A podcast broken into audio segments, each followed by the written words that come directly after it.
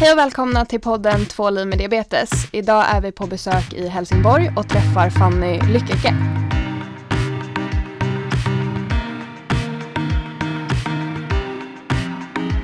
Ja, hej Fanny och hej Sandra. Nu sitter vi här hemma hos dig Fanny i Helsingborg. Ja, precis. Jättekul att vara här. Ja, det har är jätteroligt att ni är här. Ja, jag. vi har sett jättemycket fram emot det här avsnittet. Spela in det med dig. Mm.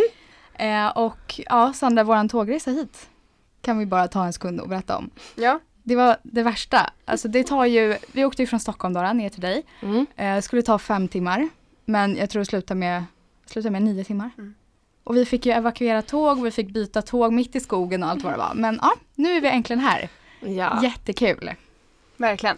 Eh, och Fanny, du är ju en offentlig person, vilket gör många kanske redan vet en del om dig. Men det vore jättekul om du vill börja med att berätta lite om dig själv och din diabetesdebut. ja, absolut. Eh, jag fick diabetes 2009. Eh, jag skulle egentligen åka till Turkiet med min bästa kompis och min mamma och hennes kompis då. Och det var första utlandssemestern med en kompis. Jag var väldigt förväntansfull. Jag skulle inte vara med på skolavslutningen för jag skulle åka då till Turkiet. Eh, men så hade jag en kompis i min klass som hade diabetes och hennes sjuksköterska var i vår klass och berättade lite om diabetes och sådär. Om symptomen och, och jag bara, det här är jag liksom. Det är mig hon pratar om nu. Alla symptom stämmer in på mig. Jag hade gått ner i vikt och jag gick väldigt mycket och kissa och drack jättemycket vatten. Så jag sprang hem till mamma och bara, jag har diabetes! Och hon bara, nej det har du inte alls. Jag bara, jo jag lovar, jag, alla symptom stämmer in. Och hon bara, ja, ja hon tyckte jag var en drama queen bara. Ehm, så att det lades lite på is och så skulle vi åka då till Turkiet och mina föräldrar såg att jag blev bara smalare och smalare och sådär liksom. Ehm, så de bestämde sig för att vi skulle väl bara göra en liten läkarkontroll och bara se så att allting var bra innan vi skulle åka. Så pappa hämtar mig från Friluftsdagen, åker till vårdcentralen och tar då ehm, blodsocker på vårdcentralen. Och så visade det sig att jag hade diabetes. Eh, och mitt blodsocker var omätbart. Då. Nej. Jo. Oj, oj. Eh, Sjukt att du kände av det. Ja men jag var helt säker. Jag Ja. visste så mycket om diabetes för att det var, hon var en av mina bästa kompisar som hade det då. Så jag visste så mycket om det och när hon sa du har diabetes jag bara jaha, ja ja. Jag visste redan allt om diabetes då så att det var ingen chock för mig. Min pappa han grät och grät och de bara vad har vi gjort för att förtjäna det här typ. Och jag bara ja men det är lugnt. Så vi åker till sjukhuset då för att åka in akut och eh, min mamma kommer till sjukhuset så säger hon till läkaren att eh, men vi åker till Turkiet i övermorgon men det är väl inga problem. Och de bara, ja, jo jag tror du får avboka den resan faktiskt. Eh, Och då, för jag behövde ju vara inlagd i alla fall minst två veckor för man ska komma in i det och sådär. Så att eh, vi fick avboka Turkietresan och jag var inlagd på sjukhuset där då och ja, fick liksom starta hela nya livet med diabetes. Och så, Men det ja. måste varit en sån besvikelse, även om du visste mycket om sjukdom, alltså att Ja. inte få åka på resan. Ja eller- men det var ju det värsta Ja. resan där då, att Ja. jag skulle få åka med på den. Men jag fick eh, permis och fick vara med på skolavslutningen i alla fall så. Mm. Men jag hade ju ändå tur som fick diabetes då precis innan sommarlovet. För jag hade ju hela sommarlovet på mig att lära mig sjukdomen. Eh, så mina föräldrar behövde ju aldrig vara med mig i skolan eller sådär. Ehm, och jag hade ganska lätt med diabetesen i början för att man är fortfarande i den här smekmånaden eller vad man säger. När man fortfarande har lite produktion själv. Så att ehm, ja, jag, jag hade ändå tur som fick det precis innan sommarlovet så jag hade hela sommarlovet på mig. Mm. Mm. Men så du hade ganska lätt att typ acceptera den i början eller? Mm. Mm. Ehm, precis då under det, alltså första tiden när jag fick diabetesen eller på sjukhuset och det var alltså mycket uppmärksamhet och man fick ju väldigt mycket besök och det var många tårar fällda för min skull. Så jag har väl alltid tyckt om att stå lite i rampljuset så. Så det var väl ändå helt okej där och det var väldigt mycket procent du vet varje sak man klarade av, sticka sig själv fingret så kom min mamma med kläder och det var skor och allt man ville ha liksom. Så man blev ju väldigt omhändertagen. Ehm, så det var ju ändå en bra start. Ehm, men sen så kommer jag ihåg att vi hade en deal att när jag skulle klara av att ta mitt insulin själv i magen då med sprutan så skulle jag få åka upp till Göteborg och träffa min bästa kompis då som jag skulle till Turkiet med. Ehm, och då så klarade jag det och vi åkte upp till Göteborg och träffade dem där. Och så var vi på ett köpcentrum och så säger min kompis mamma då, ska vi åka upp där uppe och ta en glass? Och jag och mamma kollar på varandra för det var liksom första glassen, eller vad man ska säga. Och jag bara bryter ihop helt och bara börjar storgråta. Jag fick liksom en panikattack där. Eh, för det var väl då jag insåg att detta är inte bara massa uppmärksamhet och presenter och en rolig grej över sommaren utan det är liksom på riktigt och det är hela, hela livet ut. Så då, det var väl första sådär, Mm. första gången som jag verkligen kände att eh, wow, det här är på riktigt Mm. och det kommer påverka hela mitt liv liksom. Så då var jag verkligen jätteledsen och bröt det verkligen ihop. Mm. Men vi kunde äta glass och sånt liksom så det var inget Ja. problem med det men det var liksom Nej. precis den här första grejen. Mm. Ehm, så att det var väl då jag började må dåligt av det och vi, visst fattade liksom vad det var som pågick. Mm. Men hur är det nu då skulle du säga? Har du lika lätt att acceptera det nu? Eller har det Mm, förändrats? Nej, alltså jag har väl, eh, alltså efter den dagen, alltså jag har nog aldrig accepterat det. Ehm, eller det är så svårt liksom att säga acceptera och sådär men det har aldrig blivit en rutin eller en vardag för mig och jag har ändå haft diabetes i snart tio år. Mm. Ehm, men det har aldrig blivit liksom sådär.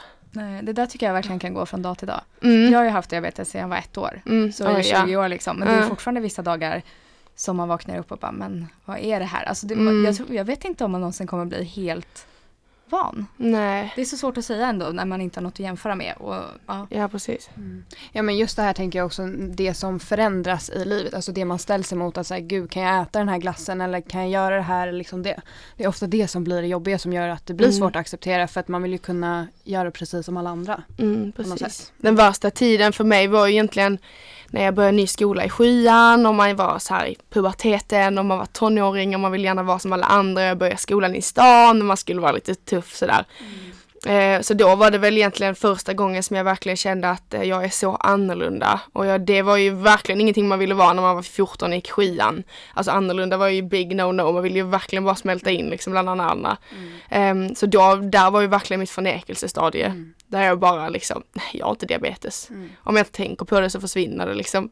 Så då, då struntar jag ju i princip i det helt. Mm. Men sa du heller inte då till någon att du hade diabetes? Alltså var det liksom Nej. Nej. Mm. Eller nej, jag tror inte det. Nej. Jag kommer inte riktigt ihåg men nej jag tror inte det. Eh, ja, och som vi sa så känner ju många igen dig från realityserien Paradise Hotel 2017 där du tog dig hela vägen till semifinal. Jajamän! Yes! eh, och det sjuka är ju att jag alltså, följde ju den, alltså det var en så bra säsong, Mm. jag älskade den. Ehm, men från första avsnittet, eller typ andra avsnittet, så såg ju jag insulingrejerna i bakgrunden. Ja. Och det första jag tänkte var, någon i huset har diabetes. Ja. Men ingenting syntes ju. Så Nej. jag var ju såhär, det är en städare, är det någon som är deltagare? Jag fattade ingenting. Så att jag luskade ju alltså, genom hela programmet och bara försökte ta reda på vem det här var. Mm. Ehm, men till att börja med, vad fick dig att söka till Paradise Hotel och hur gick sökningen till? Eh, jag sökte inte, inte till Paradise Hotel själv utan eh, det, det är någon kompis som har gjort det till mig. Och fortfarande oklart vem det är. Eh, men eh, ja, jag vet fortfarande vem det var. Men det, det var i alla fall så här att jag var i Stockholm på mässa med mitt gamla jobb. Och så, så ringer min telefon då och jag får gå iväg från montern för att svara. Eh, och då tänker jag ju att det kanske är en kund då som ringer. Och så säger de där, hej är det Fanny? Jag bara, eh, ja, så, här, ja Linn heter jag, jag ringer från Mastiff. Så jag bara, ah, okej, så de bara, ja vi sitter här med en ansökan vi har fått in från dig. Och jag hade sökt ganska mycket jobb innan, innan jag fick det jobbet som jag hade då. Så jag sa så här, nej nej nej, men jag har redan fått jobb, men tack så mycket för att du ringde. Och hon bara, jaha, så du är inte intresserad längre? Och jag bara, ja alltså jag har redan ett jobb, så men tack ändå. Alltså du vill inte vara med i Paradise Hotel? Och jag bara, va? Så jag bara, eh, ja, det, det vet jag inte. Så de bara, är det inte du som har sökt? Nej. Nej okej, men det är ingenting du skulle vara intresserad av. Och jag bara, eh, jo, kanske, kanske, jag vet inte riktigt. Så de bara, men kan vi inte ses eh, när du kommer hem? Så jag bara, jo visst. Så vi planerade då ett, eh, ett möte i Malmö när jag kom hem. Och så träffade jag dem och de var så här, jo men vad fan det här blir skitbra, du måste träffa kanalen och kommer att älska dig och sånt. Och jag bara, ja ja ja, jag hade fortfarande inte hunnit tänka på det och ingenting som jag liksom hade planerat i mitt, som jag aldrig tänkt på det där liksom. Så ehm, jag sitter väl mest och bara, vad, vad är det som händer? Alltså det här är ju bara lite skämt liksom så här, det är en kul grej.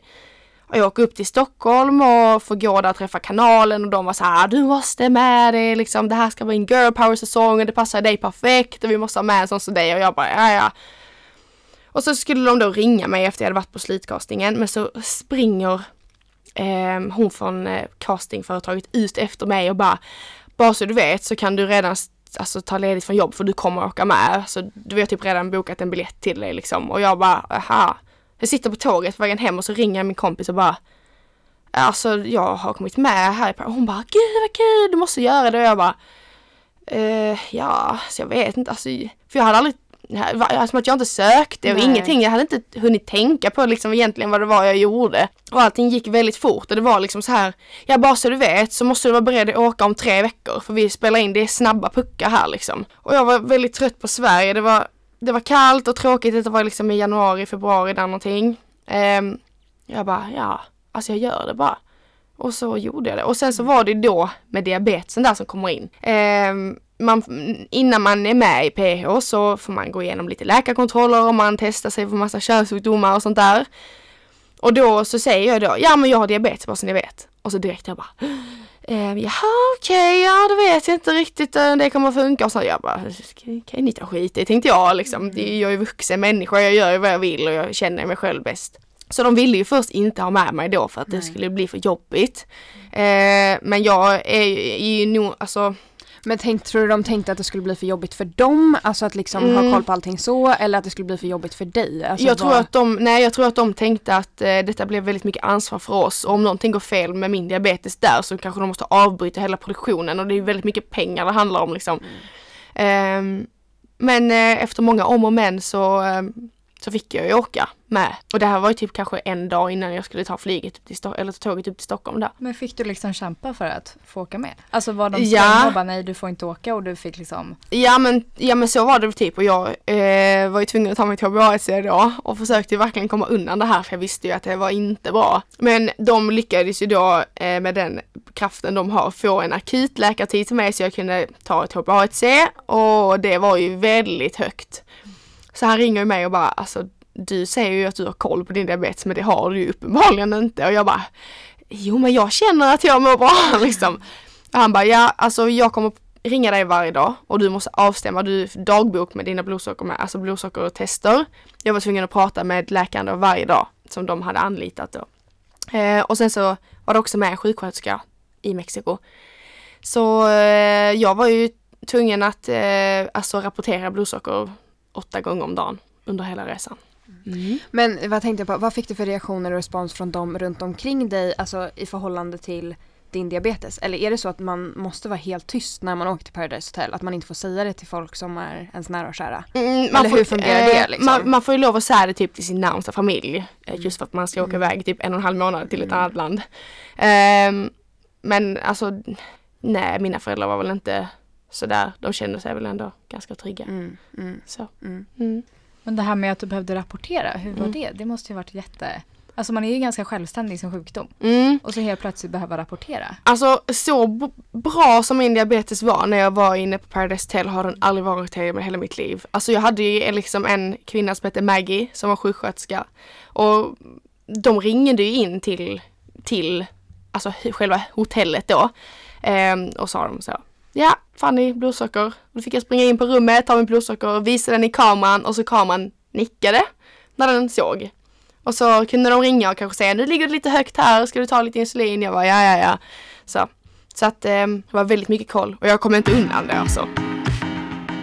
Det tänkte jag ju så mycket på. Det syns ju inte att någon har diabetes förutom att jag liksom såg sprutnålar mm. och liksom sånt i bakgrunden.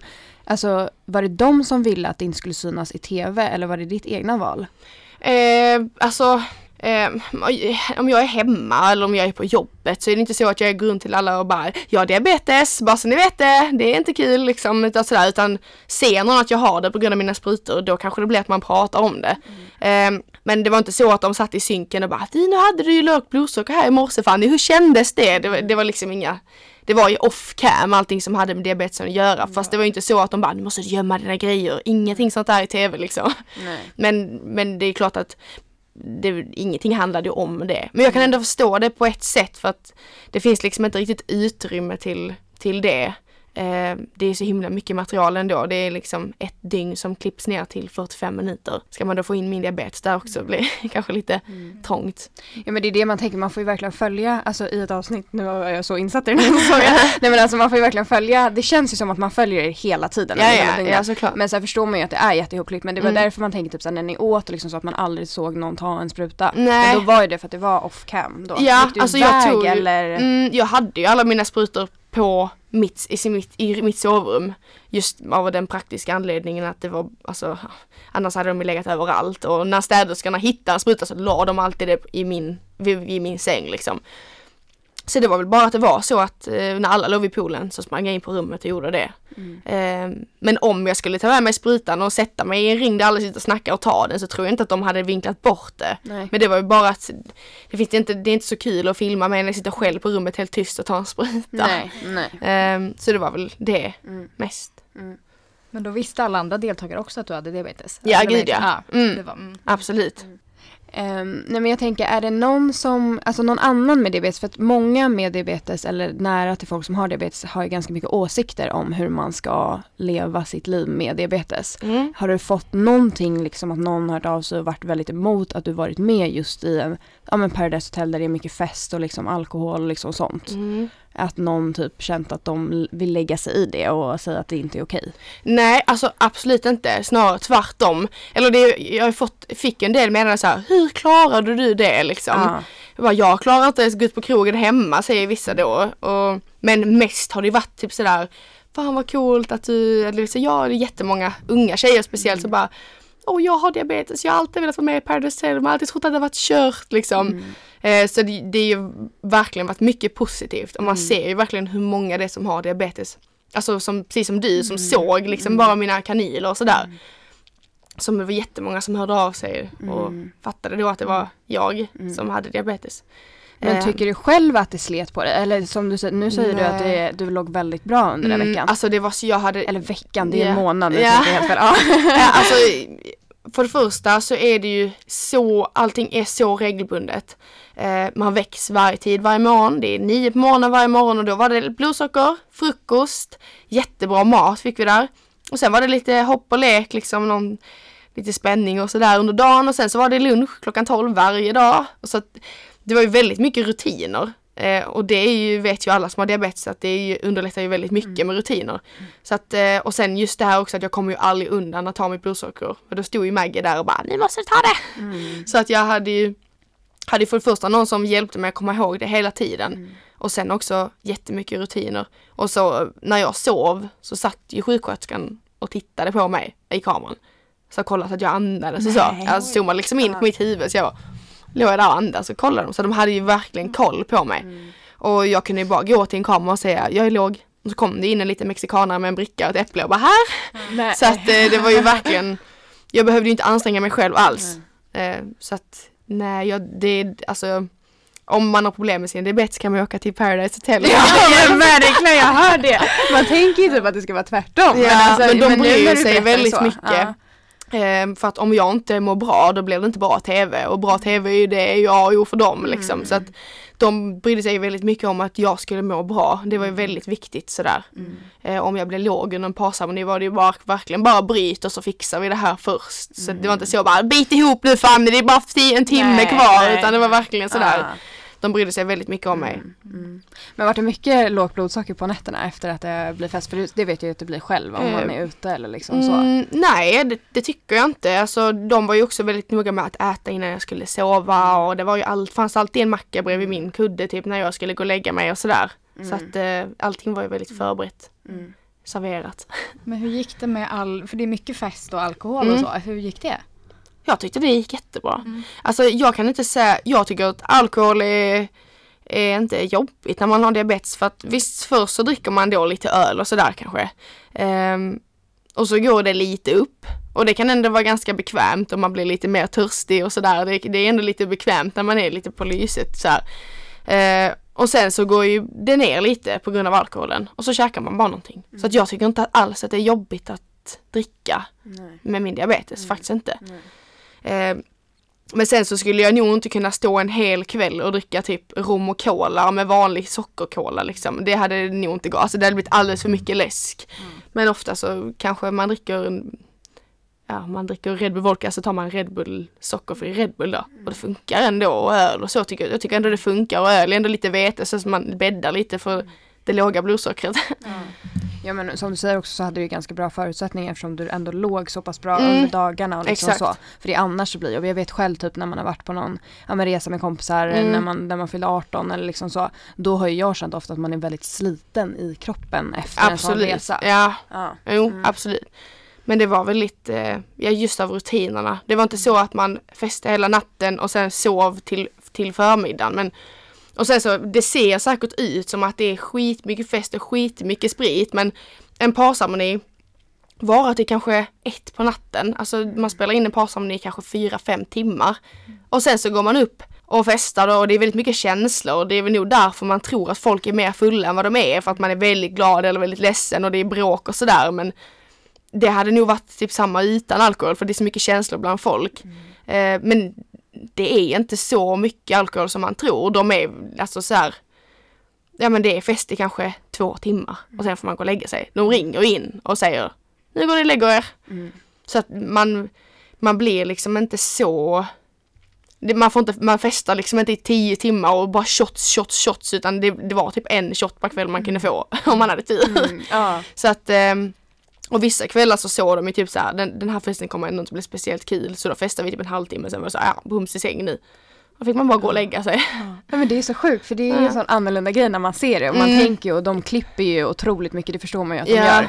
Men det blir ju verkligen en helt annan grej nu när man får höra det så här. Ja gud ja. ja men det var ju typ så här, ofta när det kom in en ny kille så var det så, ah, nu ska fan jag ölhävartävling med den här killen för jag är ganska, ni vet jag har högt blodsocker och man kan dricka ganska mycket. Ja. Så jag är ganska bra på att svepa öl liksom.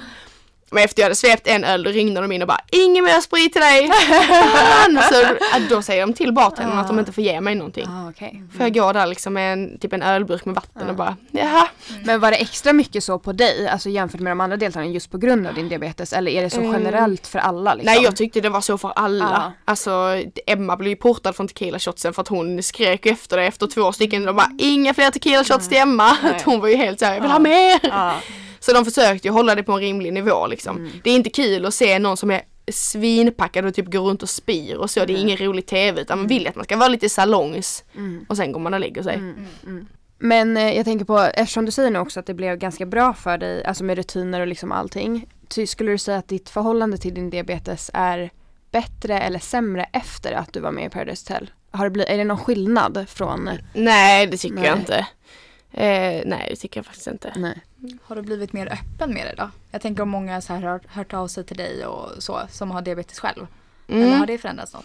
Alltså jag tycker att jag har varit ganska öppen med min diabetes. Eh, nu de senaste åren så har jag inte haft något problem med att, att prata om min diabetes och sådär. Jag har varit ganska öppen med det och ja, inte haft något problem men absolut att jag känner väl att jag har fått mer utrymme att prata om det nu med tanke på det, alltså med PH och sådär. Mm. Eh, och det är ju väldigt många som hör av sig. Och jag får ju alltid kommentarer på mina Youtube-videos bara kan du inte ha med lite, med lite mer av din diabetes i dina vloggar? Typ. Eh, för att jag brukar ju aldrig filma när jag tar mitt blodsocker eller tar mina sprutor så i en vlogg. Och det är ju just av samma anledning till varför det inte var med i PH utan för att det som jag sa till er innan när vi pratade att om jag har fyra timmars material och ska klippas ner till 13 minuter så är det lite svårt att få in en minut med diabetes där också. Just för att alla tycker inte det är intressant. Mm. Det finns inte riktigt utrymme för det och för mig är det liksom ingen stor grej eftersom att det är en del av min vardag. Mm. Så att, eh, mm. eh, Om vi går tillbaka lite till PH, skulle du kunna göra om det igen om du fick möjligheten? Mm, alltså om man bara tar liksom sådär konkret eller bara så, så ja, absolut. Men Eh, om man tänker några steg längre så säger jag ändå nej för att eh, jag, jag känner att jag har gjort det nu. Det var kul och, och jag ångrar inte det sådär. Eh, men, men jag känner väl ändå typ att jag, nu är det dags att gå vidare. Mm. Nu har jag gjort det där. Eh, men själva upp, alltså om jag skulle rekommendera någon annan med diabetes att göra det så säger jag ja, mm. absolut. Och mm. eh, inget, inte på grund av själva PH som jag inte skulle göra det igen. Men jag känner väl ändå att jag har, jag har gjort det nu och nu har jag vuxit mm. till en vuxen. Och jag har liksom min lägenhet och jag har min mm. sambo och allt sånt där liksom. Som mm. jag inte skulle välja bort för att göra det där igen liksom. Jag har mm. gjort det nu. Mm. Men hur ser det ut liksom efter? Umgås man, alltså umgås ni deltagare som var med eller tappar man mycket kontakt? För ni blir verkligen nära varandra mm. när ni är inne i huset. Tappar man mycket kontakt efter? Eh, alltså vi, och, vi kom ju hem från Mexiko den 8 april och det började sändas Är man borta en månad? Förlåt nu avbryter eh, Ja ungefär en och en halv. Okay. Det är 30 mm. inspelningsdagar men sen så ska man ju dit och man ska spela in lite klipp och alltså sånt där som är innan. Eh, så att det är lite sådana där extra dagar också men det är 30 inspelningsdagar. Eh, men vi kom hem den 8 april och eh, det började sändas typ den 8 september eller något sånt där. Mm. Eh, så vi hade ju ändå ett, ganska många månader där vi bara satt och väntade. Eh, och när jag precis kom hem från Mexiko så flyttade jag upp till Oslo tillsammans med Emma, hon bodde ju där uppe. Och Sandra flyttade också dit efter ett tag och sen så flyttade jag till Göteborg. Och eh, då, då flyttade Emma också ner till Göteborg och Sandra bor i Uddevalla så det var ganska nära. Och Bella bodde i Göteborg, Sabina bodde i Göteborg. Det var ganska många och sen flyttade Gabby också till Göteborg och vi bodde tillsammans ett tag också i Göteborg. Eh, så att emellan när vi kom hem och när det började sändas så var det väldigt mycket umgicks. Alltså jag och Gabby sov ju fan i samma säng liksom. Det var, vi umgicks mm. väldigt nära inpå.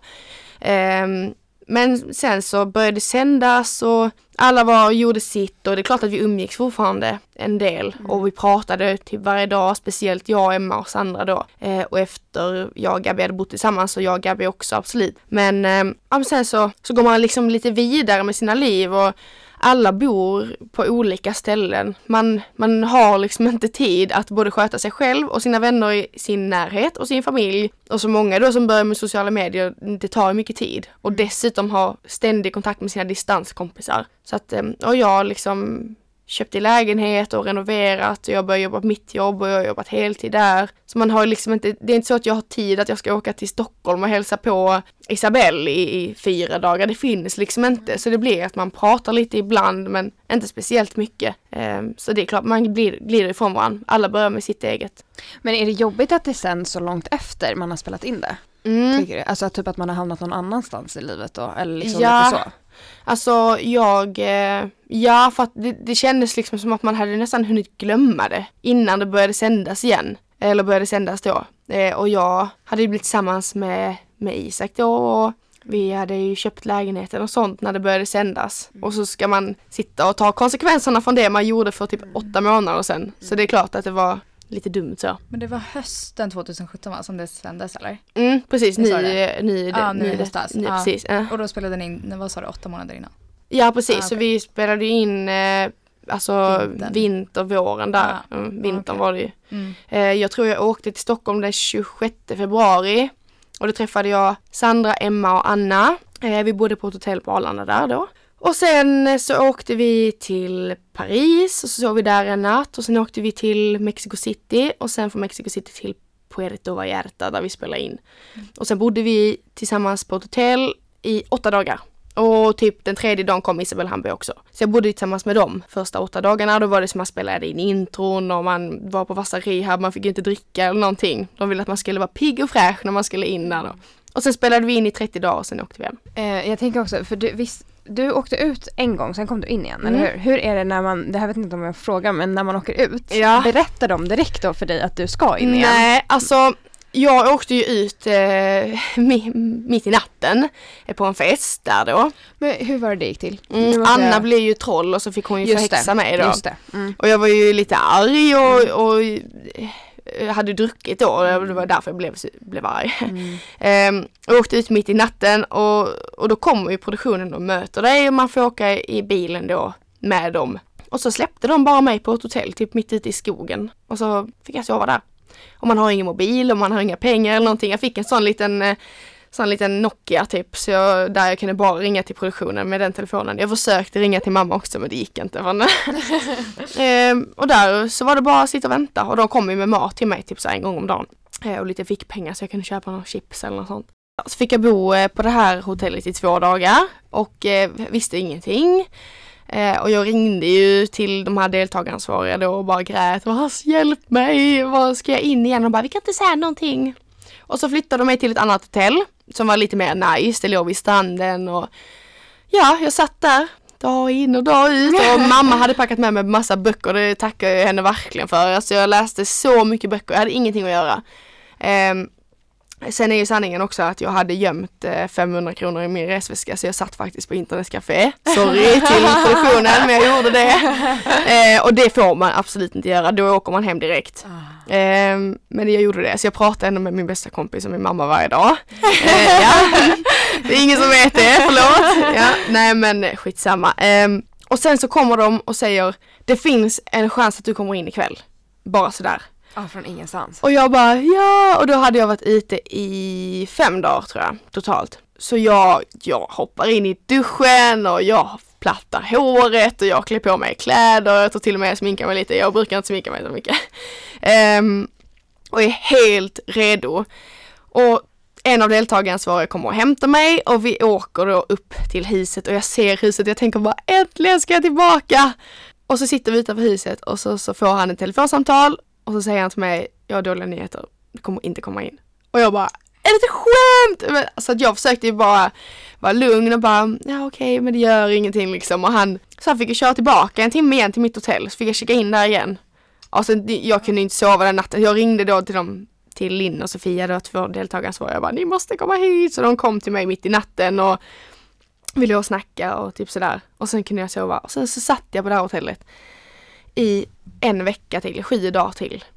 Och så, så, så sa jag så här, ifall det är så att jag kanske kommer in, säg bara till mig att jag ska byta hotell för jag blir så himla besviken. Och säger då Sofia nära till mig så, eh, du förresten, du kommer kanske behöva byta hotell imorgon. Och jag bara, ja men på riktigt ska jag byta hotell eller ska jag komma in igen? Hon bara, nej nej du, du ska byta hotell. Jag bara, säg ärligt nu. Hon bara, ja okej okay, du kommer kanske komma in igen. Och jag bara, okej okay, jag ska inte bli för uppspelt denna gången. Jag hade suttit där i 12 dagar helt ensam. Och, alltså jag hade liksom ingen, ingenting att göra.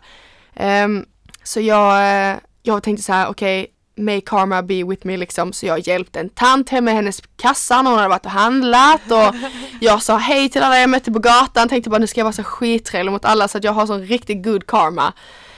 Um, och så ringer en av deltagarna jag bara är du klar eller? Jag bara men är det säkert? Han bara är det klart det är säkert? Och jag bara ja, så jag åkte dit och så fick jag sitta utanför och vänta och så drog de på mig hela den här zombiedräkten som jag skulle ha då. Och jag var på så bra humör verkligen. Jag bara, jag måste få göra en synk och så gjorde den här dansen och sånt. Jag vet inte om ni såg det. Ja. Och så då fick jag komma in sen igen. Mm. Men hur många mm. dagar hade det gått då i, alltså som vi får se? För du hade varit borta mm. 12 dagar. Hur mm. många? Då hade ni fått se tre och en halv vecka. Tre och en halv vecka. Mm, det är tre dagar på en PO-vecka. Eh, vissa PO-veckor är bara två dagar. Skolveckan var bara två dagar till mm. exempel. Så ni hade nog till och med hunnit se fyra veckor på TV. Mm. Ja, sjukt. Så under hela den tiden satt jag på ett hotell i Mexiko ensam. Usch vad tråkigt det var. Eh, sen tänker jag också typ så här, hur ser livet ut efter PO? Är det många som liksom ser dig som så här Paradise Hotel Fanny? Eller går det liksom att dela? nu skrattar du Ebba. eh, nej, alltså jag tycker inte det. Men det är klart att om någon känner igen mig så är det ju på grund av det. Men jag känner inte själv att jag blev förknippad med det men jag tror att det är för att jag själv inte gör det. Mm. Alltså många andra kanske som, eh, som har varit med i PH. Det är väldigt mycket man nämner det gärna, kanske lite clickbait typ på, på Youtube-videos och sånt bara Jag svarar på era frågor om Paradise Hotel, folk bara ah jag vill veta detta! Så alltså, de förknippar sig själva med Paradise Hotel hela tiden men jag gör inte det och jag, jag pratar inte om det liksom jag, jag pratar aldrig om det på Instagram, jag lägger aldrig ut bilder från det eller så för att jag känner väl att jag, jag jag kan väl tycka att det är lite konstigt att man inte kan släppa mm. tag. Mm. liksom bara så. Du måste bli en egen person. Man kan inte rida på den vågen hela vägen liksom. Mm. Man måste ändå göra någonting. Alltså jag vill ju äh, att de ska se mig och inte PH Fanny. Mm. Mm. men så att, men alltså absolut om det är någon som känner igen mig så är det ju för det liksom. Det är inte så att någon bara känner igen mig bara, men det är du som är Fanny utan det är alltid så. Har inte du varit med i Paradise Hotel? Mm. bara, jo, jo. Mm. Så att eh, ja. Eh, men nu har vi pratat mycket om PO så att det gick så himla bra. Mm. Men har du någon historia när det har gått mindre bra? Har du varit med om någon sån händelse? Mm, ja, det har jag. Eh, det var i oktober 2016 eh, som jag vaknade på morgonen och mådde jättedåligt. Eh, och jag var under den här perioden singel så jag bodde också själv. Mm. Eh, och eh, alltså jag mådde så himla dåligt. Jag typ krälade i toaletten och bara kräkte. Och mitt blodsocker var så högt. Jag tog så mycket insulin. Alltså insulin, insulin, insulin hela tiden. Det gick inte ner. Jag bara kräkte mer och mer och mer. Och till slut så märkte jag ju typ att nu börjar jag försvinna. så det blev helt så. Um, så jag ringer en tjejkompis och bara du måste hjälpa mig till sjukhuset. Och sen så liksom efter jag ringt henne så kommer jag ihåg att hon är typ 1,65 och, och är jättetunn. Jag bara, hur, hur ska hon kunna hjälpa mig liksom ner i bilen? Det går inte.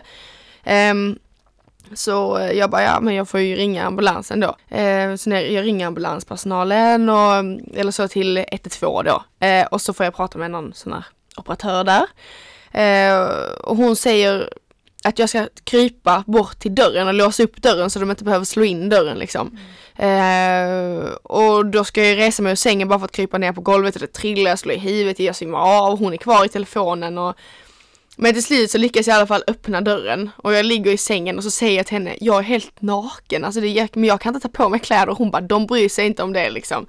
Och det var så stökigt i min lägenhet och eh, de får inte in båren i min lägenhet för det är, så, det är så stökigt, det är så mycket grejer så att de kommer in då ambulanspersonalen och sätter dropp och får liksom bära mig i min nakna kropp. Jag är typ helt avsvimmad i, i trapphuset, på med båren och så på med en filt bara.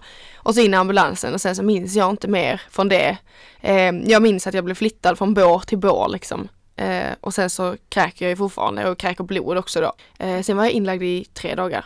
Och eh, då hade jag fått en sån ketoacidos eh, som syraförgiftning i blodet då. Och, eh, och så hade jag ju också jag kunde inte andas speciellt bra själv så jag hade ju sån andningshjälp i näsan, syregas eller vad det heter. Um, och så vätskedropp och insulindropp och uh, näringsdropp. Mm. mm, så låg jag där i tre dagar. Men satte det någon skräck i dig? För jag tänker det där är ju verkligen ett skräckscenario för mm. alltså, folk med diabetes. Mm. Tycker du att det satte en skräck i dig efter att det hade hänt dig? Alltså Eh, jag vill ju egentligen säga ja där för att det vore ju det mest naturliga och vettiga. Men nej, alltså faktiskt inte för att jag är väldigt naiv med min diabetes. Absolut så var det ju ändå sådär att jag tänkte okej, okay, det, det, kan ändå gå illa och det där är ändå det värsta jag varit med om med min diabetes. Men mm, jag vet inte. Mm. Tyvärr. Jag tror tyvärr inte att det har gjort det så mycket faktiskt. Mm. Vi har ju pratat jättemycket om det, om att så flytta hemifrån, hur man känner inför det. Och det här, det måste ju varit, var det precis när du hade flyttat hemifrån? Eller när var det? Mm, nej, jag flyttade hemifrån i maj och det hände i mm. oktober. Okay. Hur kände du när du flyttade hemifrån? Var du någon gång rädd liksom? Eller? Nej. Men du vaknar och så om du alla lågt Ja, jag har väldigt bra känningar. Eh, för det är ju verkligen en trygghet. Alltså, mm, annars absolut. hade man nog varit väldigt jag bor ju också själv. Mm. Annars hade man nog varit väldigt, alltså lite rädd. Ja, liksom, jo, det, ja alltså, absolut. Det förstår jag. Men jag är nog lite för mycket orädd. Mm. Alltså jag är, är väldigt naiv sådär och, och tycker väl att allting löser sig liksom. Mm. Så att jag var inte alls, jag tänkte nog inte ens på det när jag flyttade hemifrån överhuvudtaget. Men jag kan ändå förstå att om man har ett normalt tankesätt så tänker man nog så. Det är nog jag Men jag kan typ ändå tänka att det kan vara ganska bra att ha någon slags balans. För det kan mm. jag ändå känna typ när jag är inne på ja, Facebookgrupper liksom så. Mm. Att det sprids väldigt mycket skräckhistorier mm. om vad som kan hända. Och där kan jag känna att jag får lite panik för att man blir nästan så gud jag vill inte läsa det här. För att mm. man bara ska tänka på allt mm. dåligt som kan hända hela tiden. Precis. Istället för att säga nej men vi kan göra ganska mycket och, eller det mesta liksom. Alltså det är ju väldigt farligt och det kan ju gå väldigt illa snabbt. Det är ju det som är det farliga egentligen. Eh, och, och jag bodde ju bo, alltså bodde själv då. Det är klart, ingen hade ju egentligen riktigt märkt det om det hade hänt mig någonting. Så det är klart att det är, ju, det är väldigt viktigt att uppmärksamma hur farligt det faktiskt kan bli. Men ibland så kan jag väl ändå känna typ att det går till en överdrift när man ser föräldrar i så här grupper, diabetesgrupper då, som bara Åh gud, nu fyller mitt barn år och alla andra barn får ju tårta när de fyller Alltså vad brukar ni ge till era barn när de fyller? Får de äta riskakor? Man bara Snälla ditt barn fyller sex år, ska du sitta och ge honom riskakor? Alltså du kan väl ändå ge ditt barn lite tårta? Det, det är inte farligt att äta tårta bara för att man har diabetes. Eh, så där kan jag väl ändå Alltså det är viktigt att veta att det är livsfarligt fast det är väldigt också väldigt viktigt också att veta att eh, det är ju inte, alltså, alltså det, du, du är ju fortfarande, du måste ju leva ditt liv ändå. Även fast man har diabetes så är det väldigt viktigt att man fortfarande behåller sig själv och att man kan leva sitt liv på ett normalt sätt. Och det är inte ett normalt sätt att sitta och äta riskakor på sin femårsdag. Det är inte normalt liksom. Um, alltså man ska inte begränsa sig till en överdrift. Det nej. har vi pratat om också för då kommer man ju aldrig kunna acceptera sin sjukdom. Nej, liksom precis. Aldrig får göra det man vill. Så det, man måste ju verkligen hitta en bra balans. Mm. Och, och det, det mesta också med... går ju att göra. Det är bara att man lär sig hur. Liksom. Precis, men alltså med barn också. Det är väldigt viktigt för barn att de känner att de är som alla andra. Och då är det ju väldigt elakt som förälder liksom att skylta med att eh, mitt barn kan inte äta tårta liksom. Det är ju inte så kul som sexåring att inte kunna prata om sin födelsedag som någonting väldigt härligt. Jag fick sitta och äta riskakor, jag kunde inte leka för länge för då blev mitt blodsocker lågt. Hur kul är det liksom? Mm. Det är väldigt viktigt ändå att man lär sina barn att du har den här sjukdomen och det är väldigt viktigt att vi tar hand om den fast du kan ändå leva ett helt normalt liv liksom. Mm. Så det är väl där man, alltså jag eh, kan egentligen inte vara med i sådana där grupper för jag blir ju helt sån, tycker mm. jag, mm. tycker att de är jätteelaka ja. de här föräldrarna. Ja, ja. Ja men det är ju svårt också för att allas diabetes ser ju olika ut. Alltså man kan ju mm. aldrig prata för någon annan eller liksom så. Så därför blir det ju mycket diskussioner och sånt här i för att alla har ju sina egna uppfattningar och vad som behövs och liksom ja. så. Ja, såklart. Okej Fanny, vi brukar ju från och med förra avsnittet eh, köra veckans high och veckans low. Okay. Um, ehm, och till en början tänkte jag väl att det var utifrån blodsockret men det kan vara vad som helst. Mm -hmm. um, mm. Veckans höjdpunkt eller veckans ja, diss, eller vad man nu kallar det. Uh, men det kan vara en händelse, det kan vara liksom vad som helst. Mm. Uh, oh jag, ja. Vad är det för dag idag? Det är torsdag. Vad har hänt uh. den här veckan? Sanna kan du börja då? Ja, ska ja. jag köra mina första? Okej. Okay. Eh, jag måste ju ändå säga att veckans low, det var ju våran tågresa hit. Alltså det var ju fruktansvärt. Alltså, ja. Det var nog det värsta på länge. Um, den var väldigt dramatisk. Nej men um, sen veckans high, uh, ja men det måste ju ändå ändra att vi ändå kom hit. Okej okay, jag får hitta på något annat så. Men ni får komma ihåg att jag tyckte det också. Ja mm. men jag med, det var det jag Synd. Uh, Nej jag skojar. Okej, okay, eh, ska vi se. Jag tror att eh, först var det nog veckans low och det var när skattebeskedet kom. Eh, oh, jag relaterar. då skulle jag betala tillbaka då typ 3000. Eh, och veckans high var ju då att jag deklarerade och nu ska jag få tillbaka 3000 Nej. istället. Jo. Och, och 3000 är kanske inte mycket hänga granen men det är i alla fall 6000 plus med tanke på att jag skulle betala 3000 egentligen. Eh, så det var väl ändå, ändå lite samma grej fast det var både high and low men det blev i alla fall high till slut. Mm. Mm. Och sen vill, vill jag också säga att veckans high var att ni kom. Ja. Synd bara att ni stannade så kort tid eftersom att ni åkte tåg i 10 ja. timmar. Ja. um, Okej, okay, min, min veckans low det måste vara tågresan. Det är faktiskt det enda jag kan komma på. Nej, men du får ju komma på något annat nu Filip. ah, okay, ja. väldigt bra. Ja men det är jag glad för. Jag det är vi glada för. haj. Jag kan ta flera mm. haj istället. Ja. Um, det var, jag var i Uppsala med lite kompisar, jättekul. Uh, och jag har varit hemma hos mina föräldrar i Trosa och sett på. Och att åka hit. Mm. Ja men det är bra. Ja men ska vi börja avrunda för idag? Ja. Tack så jättemycket Fanny för att vi fick komma hit. Ja, tack för att ni kom. Det var jättetrevligt. Ja, det var jättekul att höra allt. Och ni kan som vanligt skicka in frågor eller funderingar till våran mail tvålivmeddiabetes.outlook.com eller höra av er på våran Instagram tvålivmeddiabetes. Tack för idag tjejer. Tack så mycket. Tack så mycket. Vi hörs nästa avsnitt. Hej då!